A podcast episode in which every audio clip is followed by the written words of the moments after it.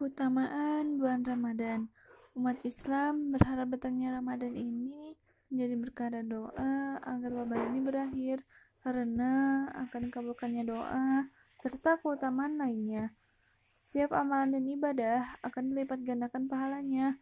Hal ini menjadi waktu yang baik untuk mengambil kesempatan bertaubat, serta Ramadan ini dapat membebaskan diri dari penyakit iri, dengki, serta meningkatkan ketakwaan diri. Jadi, ayo tuangkan semangat Ramadan dengan hal yang bermanfaat. Amalan apa aja nih yang sudah dilakukan?